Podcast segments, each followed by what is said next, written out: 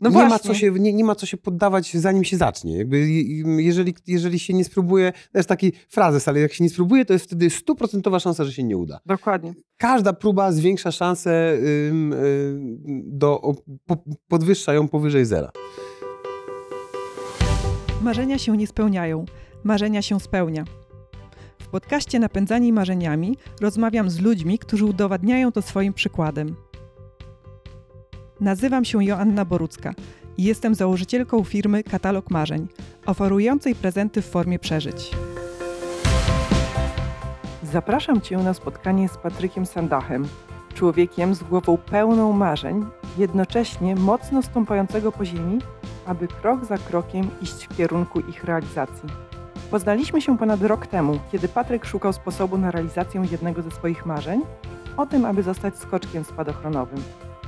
Zaproponował, aby firma, którą prowadzę, czyli katalog marzeń, wsparła go finansowo w tym przedsięwzięciu.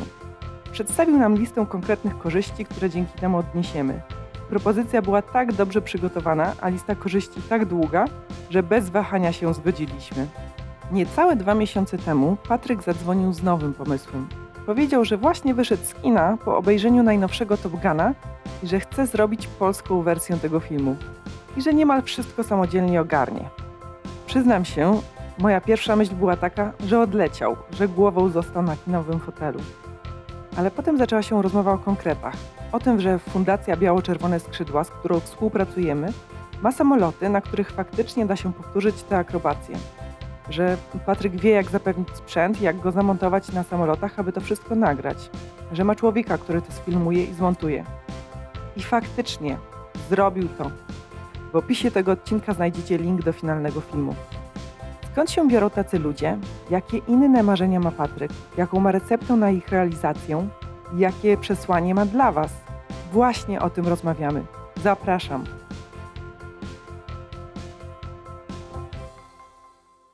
Cześć Patryk. Cześć Asiu. Słuchaj, em, oglądam Cię w różnych mediach i podpisują Cię w tych mediach jako pilota, znanego fotografa, skoczka spadochronowego. A jakbym Ciebie zapytała, kim Ty jesteś, to jak się przedstawisz? Uch, to jest ciężkie pytanie. E, Kocham te podpisy wszystkie, bo chociażby dzisiaj zostałem nazwany y, pilotem w, w, w PNS-u. E, Krótki, kró, krótka dygresja, bo strasznie mi się to podobało. Pani prowadząca zapytała, y, czy wszystko jest w porządku, czy podpisy i tak jak nas przedstawiać, y, czy Patryk Sandach pilot. Ja mówię, nie, nie pilot. A mówi, nie? Ja mówię, nie, no może być ewentualnie pilot statku powietrznego, jakim jest spadochron. Haha. No i tak rozpoczynamy, rozpoczynamy sobie mm, e, e, m, pytania na śniadanie, a pani y, przedstawia mnie Patryk Sandach, pilot spadochronu. Cudownie. Widziałam. Tak, tak, strasznie się uśmiałem. Jak ja miałbym siebie, y, siebie określić? Ja jestem kimś, kto nauczył się spełniać marzenia. Kto y, chyba najprostsze, na, najprostsze określenie, bo nie jestem ani zawodowym pilotem, ani zawodowym podróżnikiem, ani, no nie wiem, jakkolwiek by inaczej się, y, mi się określać. Ja jestem po prostu kimś, kto łapie zajawki i wymyśla, jak je zrobić. Łapie jakieś swoje, czy wyciąga jakieś swoje dziecięce marzenia i, i konsekwentnie je realizuje. No właśnie, dziecięce marzenia. Od, od kiedy zacząłeś te marzenia łapać? Czy pamiętasz swoje pierwsze dziecięce marzenie? Hmm. Ja zawsze miałem takich dużo dziwnych marzeń. Na przykład, jak byliśmy bardzo mali z moim bratem ciotecznym, którym trzymaliśmy się, ym, kuzynem pier- pierwszego stopnia, powiedzmy, którym się trzymaliśmy z Jackiem, e, wymyśliliśmy, że zrobimy e, mechanicznego Velociraptora po obejrzeniu oczywiście Jurassic Parku. To marzenie jeszcze się nie spełniło. Żaden z nas nie, nie, nie, nie, nie poszedł na żadną robotykę czy, czy coś w tym stylu, ale to były tego typu marzenia, że chcieliśmy zrobić coś niesamowitego. E, Ja jako dzieciak e, naczytałem się z moim dziadkiem. Dziadek głównie e, czytał mi podróże Tomka, tam Tomek w krainie kangurów i tak była cała taka seria książek e, podróżniczych, one były fenomenalne, tam winy tu i tego typu rzeczy. Więc ja od, od dzieciaka byłem po prostu pompowany takimi podróżniczymi e, treściami. Kurczę, pierwsze marzenie to mm, takie, które zrealizowałem faktycznie, e, pomijając tych prostu podróże, pojechanie gdzieś tam, to był chyba skok na bungee z, takich prostych rzeczy, y, który po prostu, ja już o tym mówiłem gdzieś, ale, ale ja się strasznie bałem y, wysokości, tak przerażająco. No i to było takie mm, marzenie połączone z przełamywaniem siebie, z tym, żeby um, przełamać swój strach i może jakoś go przewalczyć. E, I to było takie chyba pierwsze drobne marzenie, które zrealizowałem. Mhm. A co ci tym pomogło, albo co powodowało, że tak ci na tym zależało, żeby przełamać swój strach? W tym wypadku frustracja. Okay. Frustracja wynikająca z tego, że miałem jakieś ograniczenia. Ja strasznie nie lubię, jak mnie coś ogranicza, w takim sensie, że mam na coś wpływ i albo mam możliwość zrobienia czegoś i tego nie zrobię, bo coś, bo się czegoś boję, bo nie wiem, cokolwiek. Mam jakieś jakieś fobie, lęki, czy, czy po prostu mi się nie chce. E, więc ten, ta frustracja wywołana tym, że nie mogłem podejść do jakiejś barierki, czy że bałem się w górach i nie, na przykład gdzieś nie wszedłem na, na jakiś szczycik maleńki gdzieś tam w, w, w Tatrach, bo coś, bo się bałem, e, to wywołał we mnie taki wewnętrzny bunt. Mhm. Bunt na ograniczenia. E, tak samo miałem na przykład z buntem na jedzenie.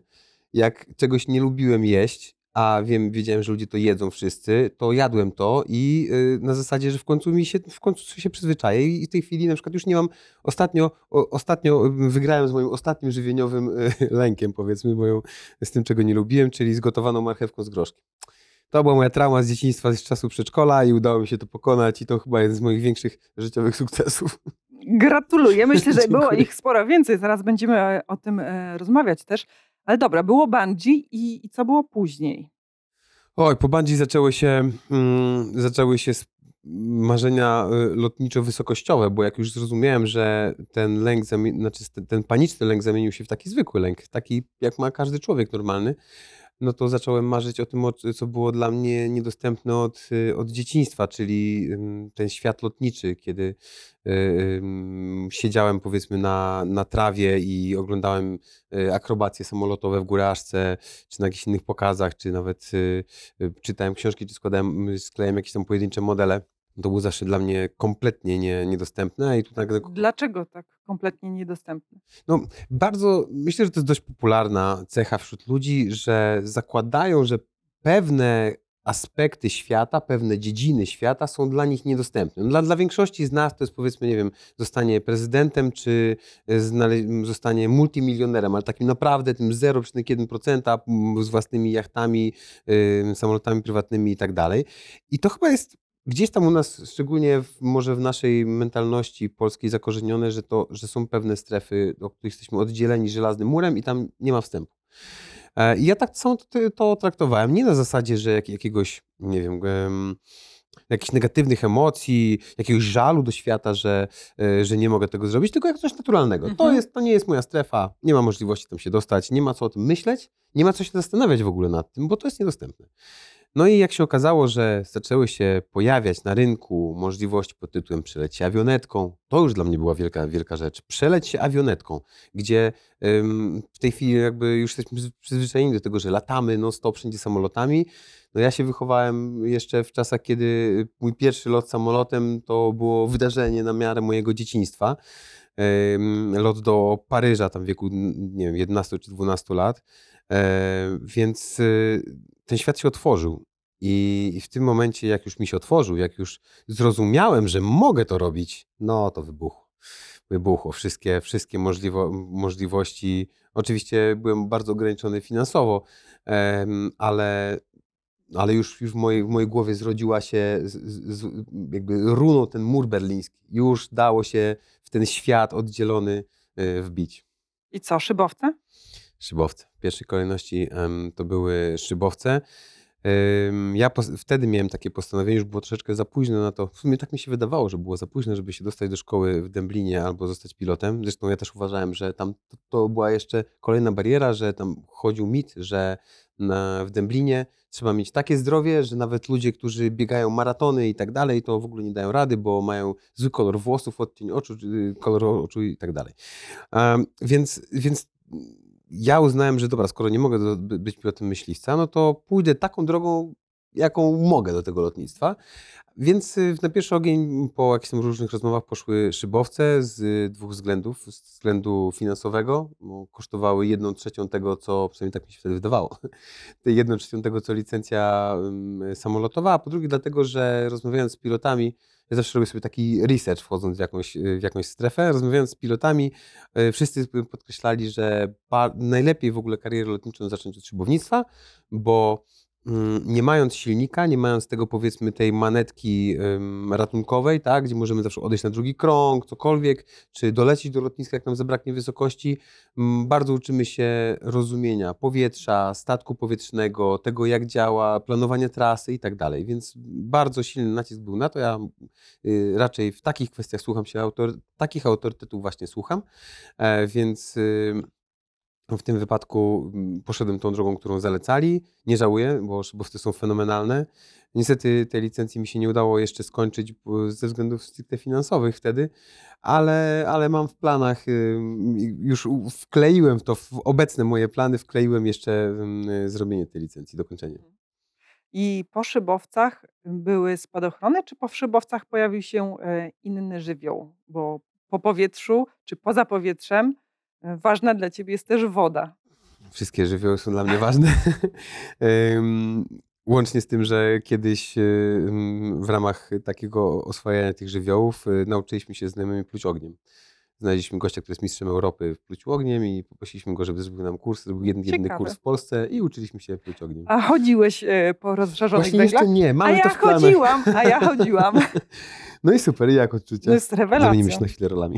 Rewelacja. Wiesz, w ogóle takie niedowierzanie, że można. Właśnie, trudno sobie wyobrazić, tak jak powiedziałeś, masz poczucie, że to jest niedostępne, ale widzisz, idzie przed tobą jeden człowiek, idzie drugi człowiek, to jest normalny człowiek, ty też jesteś normalnym człowiekiem, dostajesz instruktaż. Uwaga, instruktaż polega na tym, że trzeba iść nie za szybko i nie za wolno, i nie można rozcapierzać palców u nóg, bo węgielek Okej. może ci wtedy wejść między palce. Okej, I dobra. to wszystko. I po prostu idziesz sobie spokojnie noga za nogą, a potem masz taką ogromną satysfakcję, kurczę, że właśnie, że zrobiłeś to. No dokładnie, I to jest, i to jest, to jest to klucz, czyli z, osiągnąć takie powiedzmy kolejne etapy, spróbować kolejnych rzeczy. No ja z tą wodą mam trochę, trochę już y, dłuższy kontakt, bo zaczęło się w ogóle, zaczęło się od tego, że ja jeździłem kiedyś jako, mm, z braku pieniędzy, po prostu jeździłem jako pilot wycieczek studenckich, e, przy okazji zrobiłem zdjęcia i tak dalej. No takie proste moje typowe życiowe rozwiązania. Jak nie masz na to pieniędzy, to naucz się to prowadzić i wtedy nie będziesz musiał za to płacić. Więc y, jeździłem w ten sposób i za którymś razem mój znajomy, szef, szef biura podróży po prostu zapytał, czy nie mógłbym na szybko skoczyć do Czarnogóry, bo potrzeba zdjęć z, z rejsu, bo robi taki pilotażowy, pilotażową wycieczkę studencką pod tytułem rejs. No ja pojechałem do tej Czarnogóry, e, fenomenalnie się bawiłem. Te jachty były jeszcze dla mnie kompletnie, kompletnie obce, bo ja wcześniej byłem dwa razy tylko na Mazurach gdzieś tam i to niewiele miało z żeglarstwem wspólnego. Więc ten rejs był dla mnie takim pierwszym prawdziwym rejsem i tak mi się spodobało i tak dobrze się z, dogadałem z, ze skipperem, z kapitanem, który jednocześnie był właścicielem firmy żeglarskiej, właśnie z Filipem. E, I Filip prowadząc, prowadząc Sailcamp za, zaczął mi mm, opowiadać o kolejnych rejsach i ponieważ spodobały mu się zdjęcia, które ja przy okazji zrobiłem dla, y, dla tego biura y, stu- studenckiego, które już niestety nie istnieje, zapytał po prostu, czy mógłbym porobić zdjęcia na jego rejsach. Na zasadzie, że popłyniesz za darmo, a, a w zamian porobisz zdjęcia. No ja standardowo się zgodziłem, bo ja się na, zawsze się na takie rzeczy zgadzałem.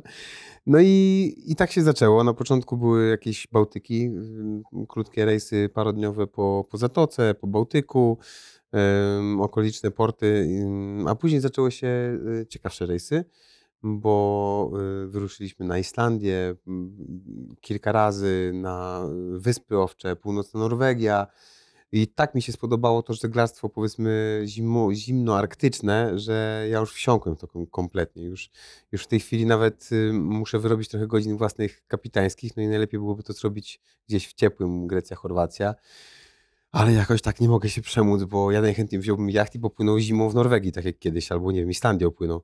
Em, więc, y, więc te rejsy już y, mocno weszły od razu w taki, może nie zaawansowany, ale, ale mm, trudny etap. Ja nie przechodziłem mm, tych początkowych rejsów, gdzie większość sterników pływa sobie właśnie po Grecjach, Chorwacjach, nabiera tam wprawy na spokojniejszych wodach, tylko moje pierwsze rejsy to było y, na przykład y, y, ta Islandia i dwójka w skali Fujimy. Bo nie wiem, czy wszyscy wiedzą, jest 12 w skali Beauforta Okej. i później jest skala huraganowa Fujima, pierwszy, drugi y, stop, pierwszy, drugi i tak dalej stopień. To są, to już jest wiatr, przed którym kontenerowce uciekają i, i takie statki, naprawdę 300-metrowe jakieś drobnicowce, masowce. I to był mój pierwszy, jeden z pierwszych rejsów, gdzie rwało nam cumy i, mało na nas holownika nie zepchnęło takiego wielkiego, kilkudziesięciotonowego, bo też się zerwał w porcie, w fiordzie, więc, więc te rejsy y, szybko, szybko weszliśmy na taki poważniejszy etap i ja już, ja już wsiąkłem tam w te rejsy, to już jest koniec. No ale nie tylko rejsy, bo równolegle z tą wodą y, dalej powietrze i właśnie pojawiły się skoki. Skąd one się wzięły w twoim życiu?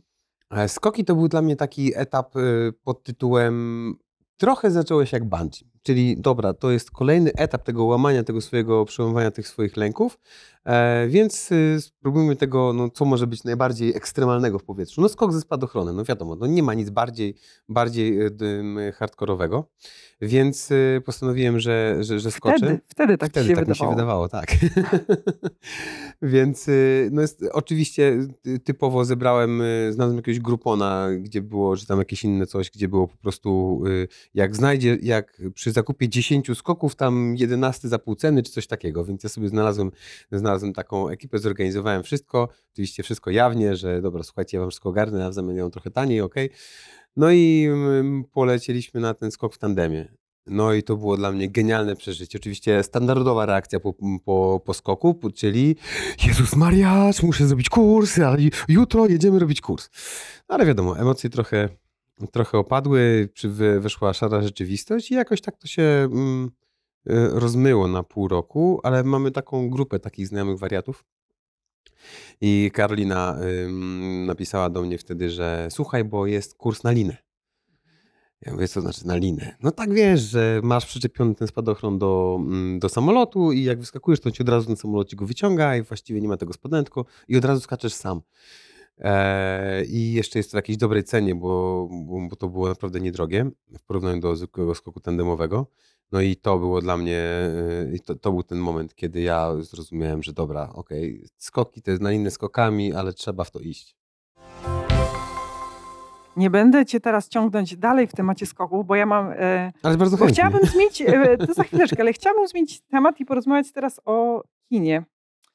E, chciałam się ciebie zapytać, jaki jest twój ulubiony film? I dlaczego właśnie Em, ten? Powiem tak. E, oczywistą odpowiedzią jest, że, że jest to Top Gun i to jest e, ten stary, oryginalny Top Gun. Ja mam w ogóle mam taką swoją kategoryzację ulubionych filmów na kilku frontach, bo są, fi- mam ulubiony film takiej kategorii, ulubiony film takiej kategorii i tak dalej, ale jednak tym najbardziej takim właśnie m, inspiracyjnym filmem, który Kategorii ogólnej, ogólnej, takiej kat- właśnie Grand Prix, generalnej. Grand tak, Prix, tak. tak, tak, tak. To, jest, to, to zawsze był ten Top Gun. E, k- no z prostego powodu, no tak, on, się, on, on łączył wszystko, co mi się najbardziej podobało w lotnictwie. I klimat, i, i samo to y, latanie myśliwcami, e, i cała taka pozytywna otoczka. No tak mówmy się, to jest taka y, y, y, komedia romantyczna dla twardzieli, powiedzmy. Tak, jak jesteś twardzielem, się nie chcę przyznawać, ale Top Gun oglądasz raz za razem, bo, bo to jest super film i, i ma tak, takie bardzo dobre proporcje tego, co ja lubię. Tak, W Mhm. takich proporcjach ma wszystko, jak ja lubię, więc, więc to jest to. Jest jeszcze ten aspekt zdjęcia. Ty robisz Nie, no zdjęcia, jasne. tak, więc te kadry, więc to nie dziwię się, wcale się nie dziwię z wielu powodów, e, że jest to twój ulubiony film. I wiesz co, tak sobie myślę, że standardowy taki, e, w cudzysłowie normalny człowiek, to idzie do kina, przeżywa te emocje, ekscytację, może jakiś relaks, może czasem jakieś właśnie takie romantyczne uniesienia. Potem wraca do domu, no i wraca do takiego normalnego życia, myśli o pracy następnego dnia, myśli o tym, żeby mm, z dziećmi coś porobić, może jakiś tam weekend gdzieś tam na rowerze za miasto. No co wcale nie jest, nie jest złe. Nie, jakby nie, Boże, absolutnie tak? nie jest złe, absolutnie nie jest złe, nie? To bardzo fajne, sama jeżdżę w weekend na rowerze za miasto. No właśnie. Em, No, u ciebie było to trochę inaczej. Ty wyszedłeś z kina po, po tym nowym Top Gunie, po Mavericku. I co się wtedy zadziało? A może to już w kinie? No, gdyby, gdyby była opcja zostać e, Spider-Manem, pewnie byłbym już Spider-Manem, gdyby to było realne. I po, ja po tych filmach tak mam, że mm, ogólnie jak mi się coś strasznie spodoba, to później przez kolejny tydzień mi to siedzi w głowie i nie mogę się tego, e, nie mogę się tego pozbyć. No i tutaj było no, bardzo podobnie. Ja po prostu wyszedłem z kina i no, czara, czara mi się wreszcie przelała, bo doszedłem do wniosku, że e, okej, są pewne rzeczy, które są nierealne. Spider-Manem nie zostanę, Spider-Manem nie zostanę, trudno. E, Na, na Batmana jestem za biedny, więc e, doszedłem do wniosku, że no, a to się da zrobić.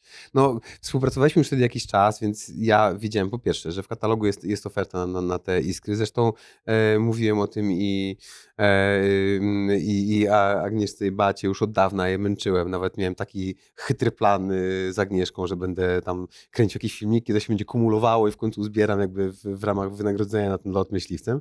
Więc, więc miałem to już w głowie od Mhm. bardzo dawna, no ale tu mówię, no nie, no nie, no tu je, jesteśmy świeżo po Top Gunie, jest ten, jest w tym momencie ten, y, wszystko jest jeszcze na czasie, świeże w umysłach ludzi, no jest współpraca z, z, Fundacją Biała Czerwone Skrzydła, jeszcze wtedy nie wiedziałem, co to za fundacja i nie wiedziałem, jak się nazywa, ale wiedziałem, że jest jakiś taki partner, e, więc mówię, no nie, no trzeba to szybko złapać. I tak naprawdę ja byłem wtedy, ym, wymyśliłem sobie tak. To był dzień, kiedy ja leciałem polatać ekstrą, czyli y, tym samolotem Red Bullowskim akrobacyjnym. Em, Jechałem z moją, e, z moją e, koleżanką, zresztą i moją dentystką e, Olą. Jechaliśmy do, mm, do aeroklubu warszawskiego, do, do Hrcynna. A, I wymyśliliśmy sobie tak, że żeby się nastroić na to latanie tą ekstrą, to najpierw pójdziemy właśnie na tego Top Guna. I ja w trakcie drogi, jeszcze przy Oli, która siedziała obok, mówię, nie, dzwonię do Beaty, mówię, Beata, słuchaj, nie, musimy to, musimy to zrobić, taki jest pomysł, ja to załatwię. Nie? A więc to dobra, to wiesz co, spotkamy się za tydzień. Ja mówię, dobra, okej. No i trzy sekundy później poprosiłem tylko Olę, żeby mi znalazła y, tego partnera i dzwoniłem już do, do, do Piotra, do fundacji. Mówię, dobra, no to z Beatą sobie jeszcze pogadam, ale na razie zobaczę, czy to jest w ogóle możliwe i zapytam Piotra, w sensie zapytam tej fundacji, czy w ogóle jest taka możliwość, czy by chcieli, no bo żeby jakby być do rozmowy z Beatą przygotowanymi. No i się zgodzili. Niespodzianka, tak jakoś. e, Czy to cię zaskoczyło? Nie, zupełnie nie, bo takie rzeczy, y, jak to ktoś kiedyś powiedział, rzeczy, y, przypadki 1 na milion dzielą się w 50%, więc to się sprawdza i standardowo wystarczy czasami po prostu zapytać o, o coś bardzo ma, mało prawdopodobnego a, i to się wydarzy. No właśnie, chciałam cię zapytać o, o taki przepis. E, Co twoim zdaniem składa się na zrealizowane marzenie? Jakie kroki trzeba wykonać? O czym trzeba pamiętać? Najważniejsze to mieć marzenie. Tak, czyli Numer e, jeden. numer jeden, czyli e, znaleźć coś, co da nam motywację. Czasami mam wrażenie, że ludzie ym, tworzą sobie wizję czegoś, że fajnie byłoby to zrobić i mają jakieś marzenie na podstawie czegoś innego, ale ono tak naprawdę jest takie, no bo to jest fajne. Bo to jest uznawane za, czy tam, nie wiem, nawet marzenie pod tytułem zostać prawnikiem. To jest tak, ale jednocześnie nie jest to ich prawdziwa motywacja, bo w głębi duszy nie czują tego. A ja na przykład mam, mam tak, że marzenia się pojawiają i jeżeli one tak zapłoną, no to ja w to idę po prostu. Jeżeli się pojawi ogień, to ja w ten ogień sobie skaczę. Więc to jest pierwszy punkt. Em, drugi punkt, no to to zależy od tego, jakie to jest marzenie. Jeżeli to jest jakieś marzenie pod tytułem, e, nie wiem, coś dostępnego, typu właśnie skok na bungee, no to działanie. Dział. Drugi punkt to jest podjąć działanie. Czyli jak, naj, jak najszybciej zacząć coś w tym kierunku robić. To nie musi być od razu, e, nie wiem, e, wzięcie kredytu na, na licencję lotniczą, ale nie wiem, zacząć robić research, zacząć, z, z, zaczą- jeżeli to jest taka prosta rzecz, to po prostu wziąć i kupić na przykład ten, ten, ten, ten voucher, Em, bo ja wychodzę z założenia, że jak już za coś zapłaciłem, to już to zrobię. Jeżeli będę się zastanawiał nad tym, dobra, no to chciałbym kiedyś skoczyć ze spadochronem, no dobra, to może w przyszłym roku, no fajnie, no super, ale nie, teraz mam wydatki, teraz coś tam, nie, nie, nie, od razu cyk, jeżeli to jest, jeżeli to jest w zasięgu, cyk. I to już jest, w moim mózgu to już się, jakby to przestaje mieć e, status do zastanowienia. E, to, już, to już jest mm, decyzja podjęta i z niej nie ma, żadnej, nie ma możliwości wycofania się. koniec. Mm, Tak samo na przykład mam odłożone jakieś tam oszczędności na, na, na latanie, to jest konto, który, ja mogę mieć debet na karcie y, kredytowej, ale z tamtego konta nic nie schodzi. Jest, nie, nie ma prawa nic zejść, bo to jest na jeden konkretny cel i koniec. Więc y, mm, podjąć działanie, trzecie podjąć decyzję o tym, że to robić. Tak? Czyli bo research jeszcze może być e, wcześniej, ale w pewnym momencie podejmujemy decyzję i ta decyzja już mm, jest może nie nieodwołalna, bo wiadomo, różnie rzeczy bywa, ale generalnie bardzo twarda. No i na koniec y, mm, zaplanować konkretną realizację. Czyli jak już podjęliśmy decyzję, to konkretny plan. Czyli jeżeli to nie jest proste, e, tylko na przykład wymaga mm, jakiegoś dłuższego wysiłku, y, dłuższych przygotowań, no to zaplanować sobie krok po kroku i małymi kroczkami. E, To taka chyba takie standardowe podejście do realizacji wszystkiego w życiu, żeby podzielić sobie ten duży cel na takie maleńkie kroczki e, i, i po prostu iść tymi e, kroczkami, realizować, koncentrować się na tym najbliższym krocz, kroczku, gdzieś tam z tyłu głowy mieć szeroką perspektywę, ale jednak koncentrację na tych małych kroczkach e, i, i działać. I później już jest realizacja i najważniejsze dla mnie, chyba w całym tym wszystkim, to jest celebracja tego wszystkiego. Czyli jak już się uda to zrealizować, to nie, nie robić tego na zasadzie, dobra, odhaczone, idziemy dalej, tylko jeszcze się tym pocieszyć trochę. Jeszcze sobie to, jeszcze sobie to przemielić.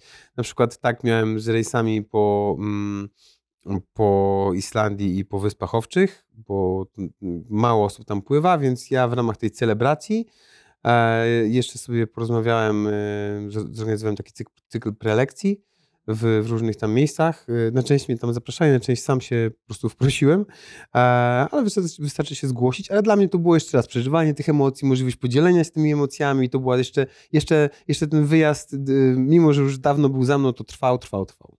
To fajny pomysł. Bardzo fajny. A powiedziałeś, e, o, mówię o tej celebracji, a powiedziałeś e, chwilkę wcześniej, że to chyba takie standardowe podejście, żeby podzielić sobie na kawałki i skupić się na tym e, najbliższym. No właśnie myślę, że nie jest wcale takie Okej. powszechne i dlatego e, chciałam e, wzmocnić to, o czym powiedziałeś Okej. bo e, warto, potwierdzam, i wielu gości em, właśnie mówi o tym, że warto działać z myślą o tej e, wizji, o tym e, finalnym celu, ale skupiając się na tym najbliższym kroku, żeby nas całość przedsięwzięcia po prostu nie paraliżowała. Bo jak sobie nagle zdamy sprawę, że ono się składa tak wielu e, kroków i może tam wystąpić tak wiele różnych trudności i nieprzewidzianych sytuacji, no to to wtedy paraliżuje. Więc e, mm, tak, chciałam tutaj e, szczególnie. No to się, ten cieszę się, że się zgadzam z wyróżnić. gośćmi. A wiesz co, m, może jeszcze tak wróćmy do twojego zrealizowanego e, marzenia w postaci odwzorowania tej sekwencji, którą e, lotniczej, sekwencji akrobacji lotniczych, e, które e, myślę, że większość z was e, zna z Top Guna. Mm, Bo to właśnie było to marzenie, tak? Jakbyś mógł e, opisać dla osób, które e, nie nie słyszały, widziały. które nie widziały filmu, ogóle na czym ta e, realizacja marzenia polegała? No dobra, więc ym, zaczynając od początku, już może nie spoilerując za dużo, chociaż uważam, że każdy powinien po prostu ten film obejrzeć z różnych względów. No właśnie, Ze bo wszystkich względów praktycznie. I jeżeli Mhm. chodzi o, o grę aktorską, jeżeli chodzi o, e, o ujęcia, o dźwięk, o, o sam fakt tego, że ten film został nakręcony r- w, w rzeczywistym locie, a nie efektami komputerowymi. Em, ja oglądając ten film, mając jakąś tam niewielką wiedzę lotniczą, jakieś, jak, jak mniej więcej jakieś, jakieś e, e, pojęcie, mm, wyobraziłem sobie, miałem podejrzenie, że to jest, że polecenie tego na tych naszych polskich iskrach będzie możliwe. E, Nie miałem pewności, no bo ekspertem nie jestem, ale miałem takie podejrzenie, że, że tak patrzyłem na tę akrobację i no to jest, to jest możliwe na pewno, to chyba też, to też.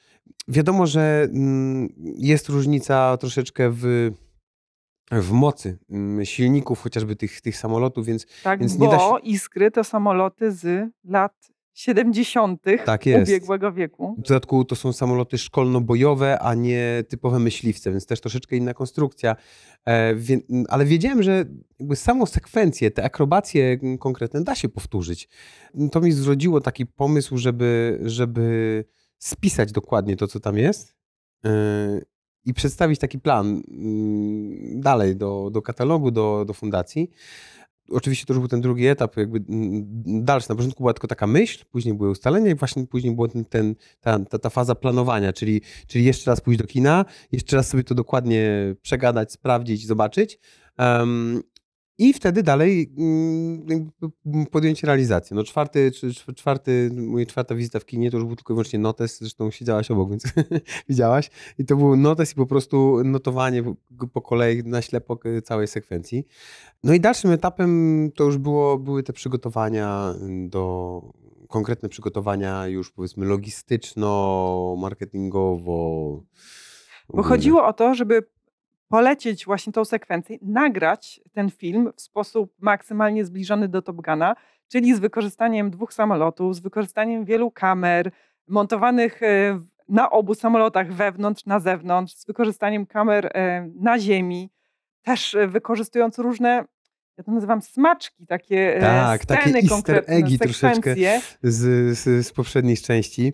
No z, w ogóle z, cały ten projekt wydarzył, on wybuchł, on się wydarzył tak nagle i tak szybko i i udanie, w sensie, to jest, zazwyczaj jak coś się dzieje szybko, to jest masa niedoróbek, niedociągnięć. Byłem przekonany, że albo to, że to zabierze więcej czasu mimo wszystko. Bo plan był bardzo ambitny, ale mówię, dobra, spokojnie, wiem jak to jest, zaplanujmy tak, a pewnie to dwa razy dłużej potrwa. Ale tak, najpierw okazało się, że y, siła social mediów i znajomych w ogóle, ludzi, to jest coś, coś fenomenalnego, że mm, wrzuciłem projekt takiej mojej zaprojektowanej kamerki, po prostu narysowany w, w notatniku ołówkiem, e, to na stories na Instagramie na zasadzie, czy ktoś ma może maszynę, mógłby nam coś takiego zespawać i my to, żebyśmy mogli przymocować na zewnątrz te kamery. To było tak strasznie zgrubne i prosty ten projekt, taki na zasadzie, żeby, żeby był wytrzymały, ale no nie było w tym wiele, wie, wiele aerodynamiki, techniki inżynierii. I nagle okazało się, że zgłosił się do mnie mój znajomy, który, z którym niedawno pracowałem, który zmienił teraz firmę i ta firma akurat y, zajmuje się właśnie takimi bardzo ambitnymi projektami z metalu. I on mówi, dobra, to my ci to, my ci to zrobimy za darmo, tam wrzucić gdzieś nasze logo i tak dalej. Mówi, no to super, a na, ale ile to potrwa? No nie wiem, ze, ze trzy tygodnie. Ja no możemy mieć na, za trzy dni pierwszy, pierwszy prototyp.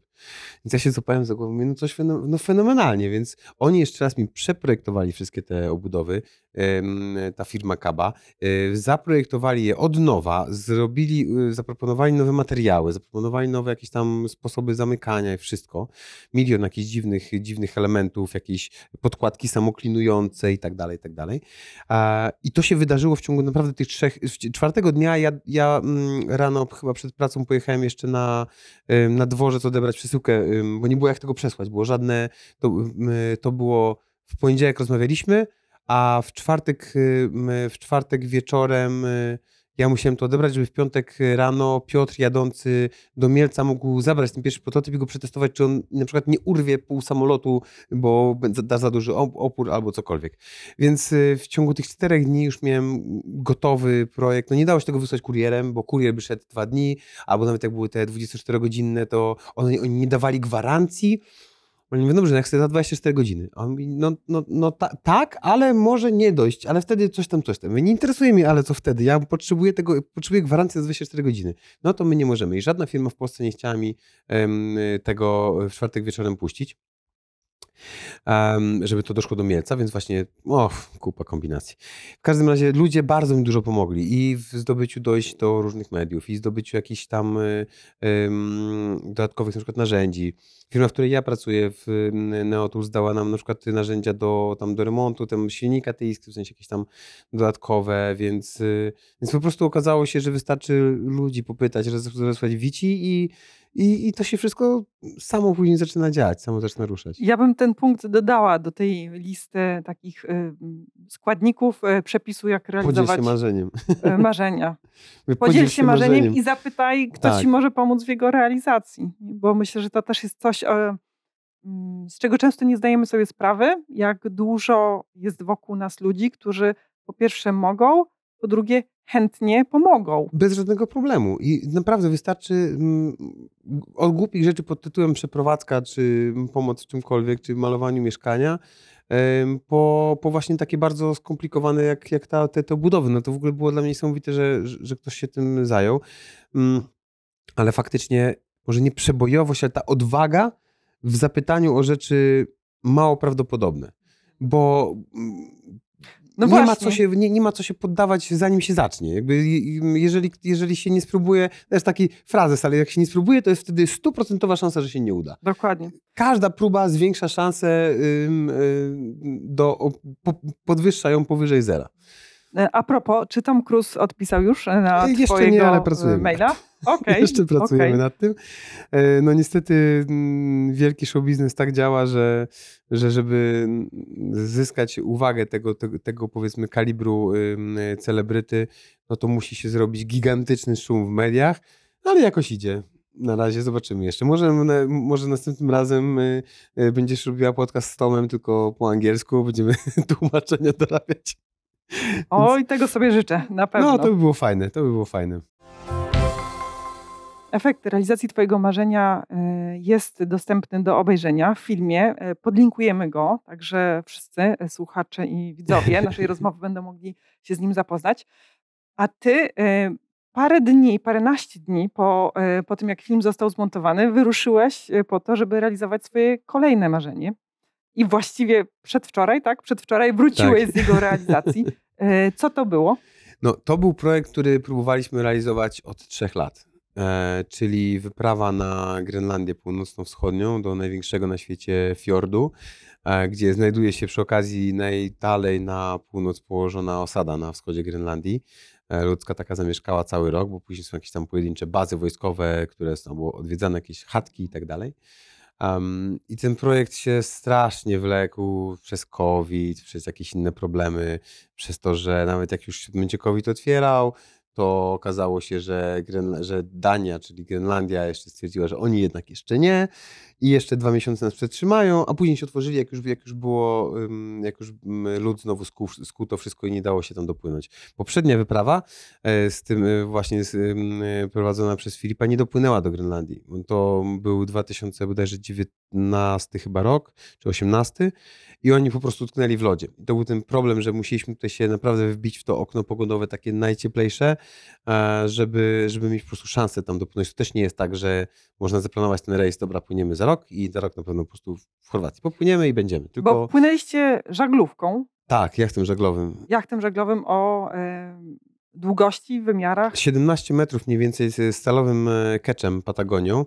A to jest jacht taki typowo, znaczy typowo, jacht wyprawowy, bo on już ma klasę lodową, ma z przodu taką zamkniętą w, w dziobie komorę, która nawet gdyby się, byśmy uderzyli w jakiś, jakiś lód i by, i by doszło do rozszczelnienia dziobu, to najwyżej zaleje się ten, ten, ten odcięty od nas jakby dziób, no i trochę nam się zmieni powiedzmy ważenie jachtu, ale nadal możemy płynąć. Zresztą w środku jest jeszcze druga więc, y, więc ten jacht jest dosyć bezpiecznie przystosowany do takich y, y, warunków. No nie są to lekkie rejsy, to już nie jest turystyka żeglarska, bo, bo jednak po pierwsze jest w, w stuprocentowy system wachtowy, musi być, nie ma odpuszczania, musi być 24 godziny ktoś na wachcie, y, dwuosobowe wachty. Y, po drugie przedzieranie się przez pak lodowy na przykład wymaga oprócz, oprócz y, sternika jeszcze dodatkowych osób na dziobie, które bosakami będą rozpychały co mniejsze kawałki lodu. E, Czasami zdarza się, że ktoś musi wręcz e, siedzieć na maszcie, tam wspinać się na maszcie, stamtąd obserwować na dłuższą metę, jeżeli jest, jest bardzo ciasno. No my trafiliśmy akurat bardzo dobrą pogodę, więc, ym, więc nie było potrzeba tej osoby na maszcie, e, ale jednak, jednak mimo wszystko cały czas w tym chłodzie te osoby wymieniając się musiały się tam znajdować na tym dziobie i obserwować i płynąć naprawdę wolno. Więc e, góry lodowe, setki, setki gór lodowych wielkości budynków. Tak naprawdę. Na pewno em, widzieliśmy, nasz jacht y, ma, maszt ma, no, zakładam, ze 20 parę metrów wysokości. To dwa, 30 metrów to jest mniej więcej 10-piętrowy budynek. Bo tam 2,5 metra plus stropy, to około, około 30 metrów ma 10-metrowy budynek. My podpływaliśmy do gór lodowych, które były dwa razy wyższe od naszego jachtu. Czyli prawie 20-piętrowe budynki. No wyobraźmy sobie to w, w mieście, w Warszawie, tak tej wielkości bryłę y, lodu, miliony ton lodu. Więc y, i I, tych I gór to nie taką statyczną, tylko tysiące. jednak dynamiczną. nie, tak, dynamiczną bryłę. i która cały czas grozi tym, że na przykład odłupie się no, odłupie się pół bloku mieszkalnego i wpadnie do wody obok nas, więc oczywiście z dużym zapasem zawsze, e, zazwyczaj, prawie, prawie zawsze, bo też można momencie przewidzieć na podstawie wyglądu góry lodowej, m, e, gdzie jest ta bezpieczniejsza część, gdzie jest ta mniej bezpieczna. Mm, Więc ten rejs już był taki no, bardzo, bardzo wymagający. No i dopłynęliśmy w miejsca, gdzie albo nie było jeszcze polskich jachtów, albo były bardzo pojedyncze, gdzieś jakieś, mm, jakieś e, osoby, na przykład Wyspy Niedźwiedzie. E, Zrobiliśmy trasę, udało nam się zrobić całą trasę planowaną, bo bardzo często w takich rejsach jest tak, że się wyrusza i trzeba modyfikować plany mm, na bieżąco. Czy takie tempo, jedno wielkie marzenie za drugim, nie jest y, trudne do utrzymania? Albo y, y, też trochę inaczej zadając to pytanie, czy ono nie sprawia, że, że ty teraz potrzebujesz większego i większego e, marzenia, bo inaczej będzie ci Uff. trudno ze sobą? Na pewno jest jakieś, jakaś, jest jakaś forma uzależnienia takiego pozytywnego. No te dwa akurat projekty yy, zazębiły się trochę z tego względu, że no ja Top Guna nie planowałem. To, było, to nie było w ogóle w, żadnej strefie y, gdzieś tam na, na, nawet odległych planów. E, po prostu to się wydarzyło, ale ja też wychodzę z założenia, że okazje, niezrealizowane okazje, nie, niezłapane się lubią mścić, więc e, oczywiście nie wierzę w żadne zabobony, ale, ale, ale tak jest, że strasznie cierpię, jeżeli wiem, że mogłem coś zrobić, a czegoś nie zrobiłem, więc jeżeli pojawiła się ta okazja i wiedziałem, że uda się, że jeszcze jakoś tam w miarę czasowo to siedzi, to, to, to, muszę się za to wziąć, więc te projekty były bardzo, bardzo na styk, ale były realizowalne. Ja już w pewnym momencie brałem pod uwagę to, że nakręcimy to, ale po prostu montaż i tak dalej zostały w rękach Rafała i, e, i, i nawet ja pojadę na Grenlandię i to się będzie działo jakoś równolegle trudno. No ale musiałem to zrobić, jedną i drugą rzecz, więc z żadnej bym nie zrezygnował, więc, więc po prostu no, trudno, trzeba było zaryzykować. Ten, ten element ryzyka też zawsze istnieje. No, może się zdarzyć. Ja kiedyś też straciłem bilety, już mieliśmy na, na Grenlandię kupione, nie mogliśmy polecieć nie ze względów właśnie takich, że że to była wina linii lotniczych, tylko tam covidowo ogólnie i po prostu straciły i te pieniądze bilet przepadły. Ale trudno, no jakby jest w życiu ten element ryzyka i trudno. Tylko ja o tym teraz sobie przypomniałem jak y, dla przykładu, a tak nie pamiętam, że jakieś tam pieniądze wydałem, czy straciłem, czy cokolwiek. Pamiętam tylko te rzeczy, które zrealizowałem, więc jakby o ile nie wpędza nas to w jakieś życiowe długi, to, to trudno. A jeszcze był przecież trzeci projekt, bo ja przecież równolegle do tego przed samą y, Grenlandią równocześnie z z montażem tego naszego filmu i jednocześnie z pracą na pełen etat, ja jeszcze robiłem y, bardzo, w- bardzo obciążający fizycznie kurs instruktora we Flyspocie.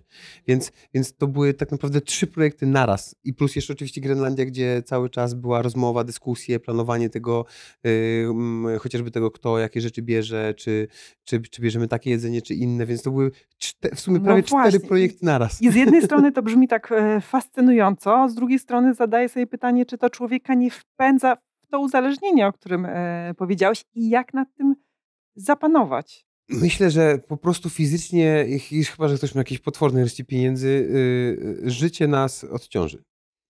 to znaczy, nie, nie, nie mam takich możliwości i takiej, yy, takiej ilości projektów realizowalnych, które mógłbym, zrobić tak, żeby to trwało jakoś bardzo, bardzo długo. Więc zdarzają się takie okresy, gdzie jest po prostu bardzo intensywnie, ale później naturalnie przychodzi ta zwykła praca na te dwa etaty i taka, wiesz, możliwość odpoczynku, trochę się śmieję oczywiście, I odkładanie na realizację kolejnych marzeń. Y, Tak, odkładanie i planowanie, bo umówmy się, że mm, te wszystkie projekty są fajne i one są intensywne i dają mnóstwo emocji, ale to z nimi jest dokładnie tak samo jak z tymi górami lodowymi, czyli ten, ten, ten czubek, który widzimy, te wszystkie fajne rzeczy, które przeżyjemy, no musi mieć tą podstawę, gigantyczną podstawę, która utrzymuje nas na powierzchni, czyli właśnie planowanie, właśnie te, te, te, te, kolejne małe elementy, te nudne elementy, tak, czyli do, dogadywanie powiedzmy jakichś szczegółów logistycznych, takich na, mm, pod tytułem znaleźć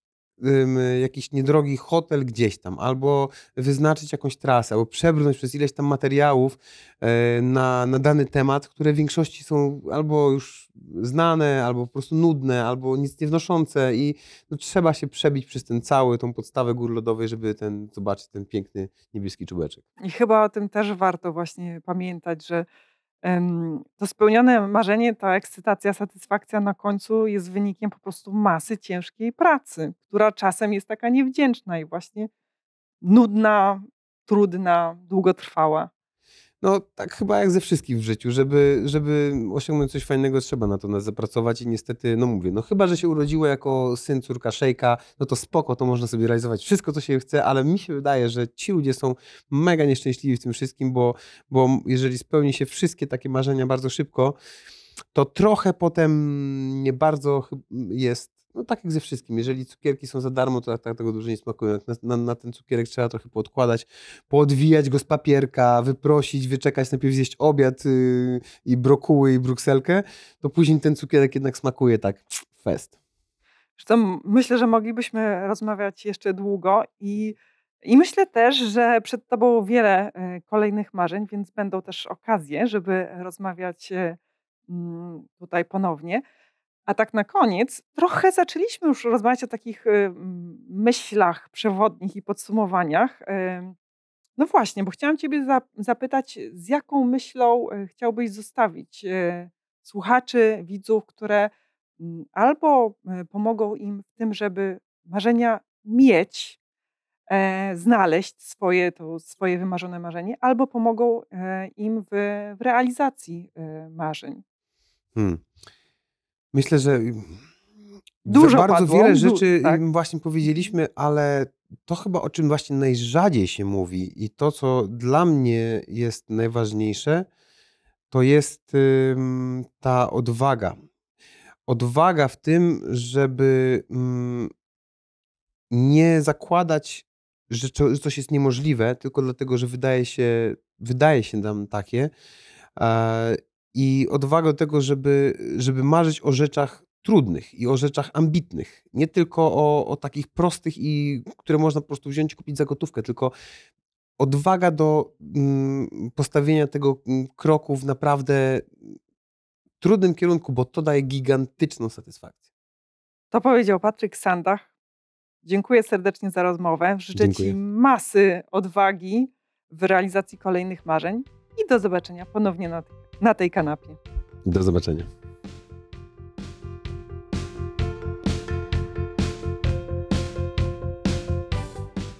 Kiedyś mówiłam, że Patryk to dziecko szczęścia i w sumie nadal tak myślę, ale jak samo sobie mówi, ma dwoje rodziców szczęście i ciężką pracę. Bo nie ma co czekać na to, że nasze marzenia magicznie się spełnią. Marzenia się nie spełniają, marzenia się spełnia. Drogi marzycielu, to jakie działanie podejmiesz po wysłuchaniu naszej rozmowy, aby zrobić krok w kierunku urzeczywistnienia swojego marzenia? Daj znać w komentarzu do tego odcinka. Do zobaczenia wkrótce w kolejnym odcinku.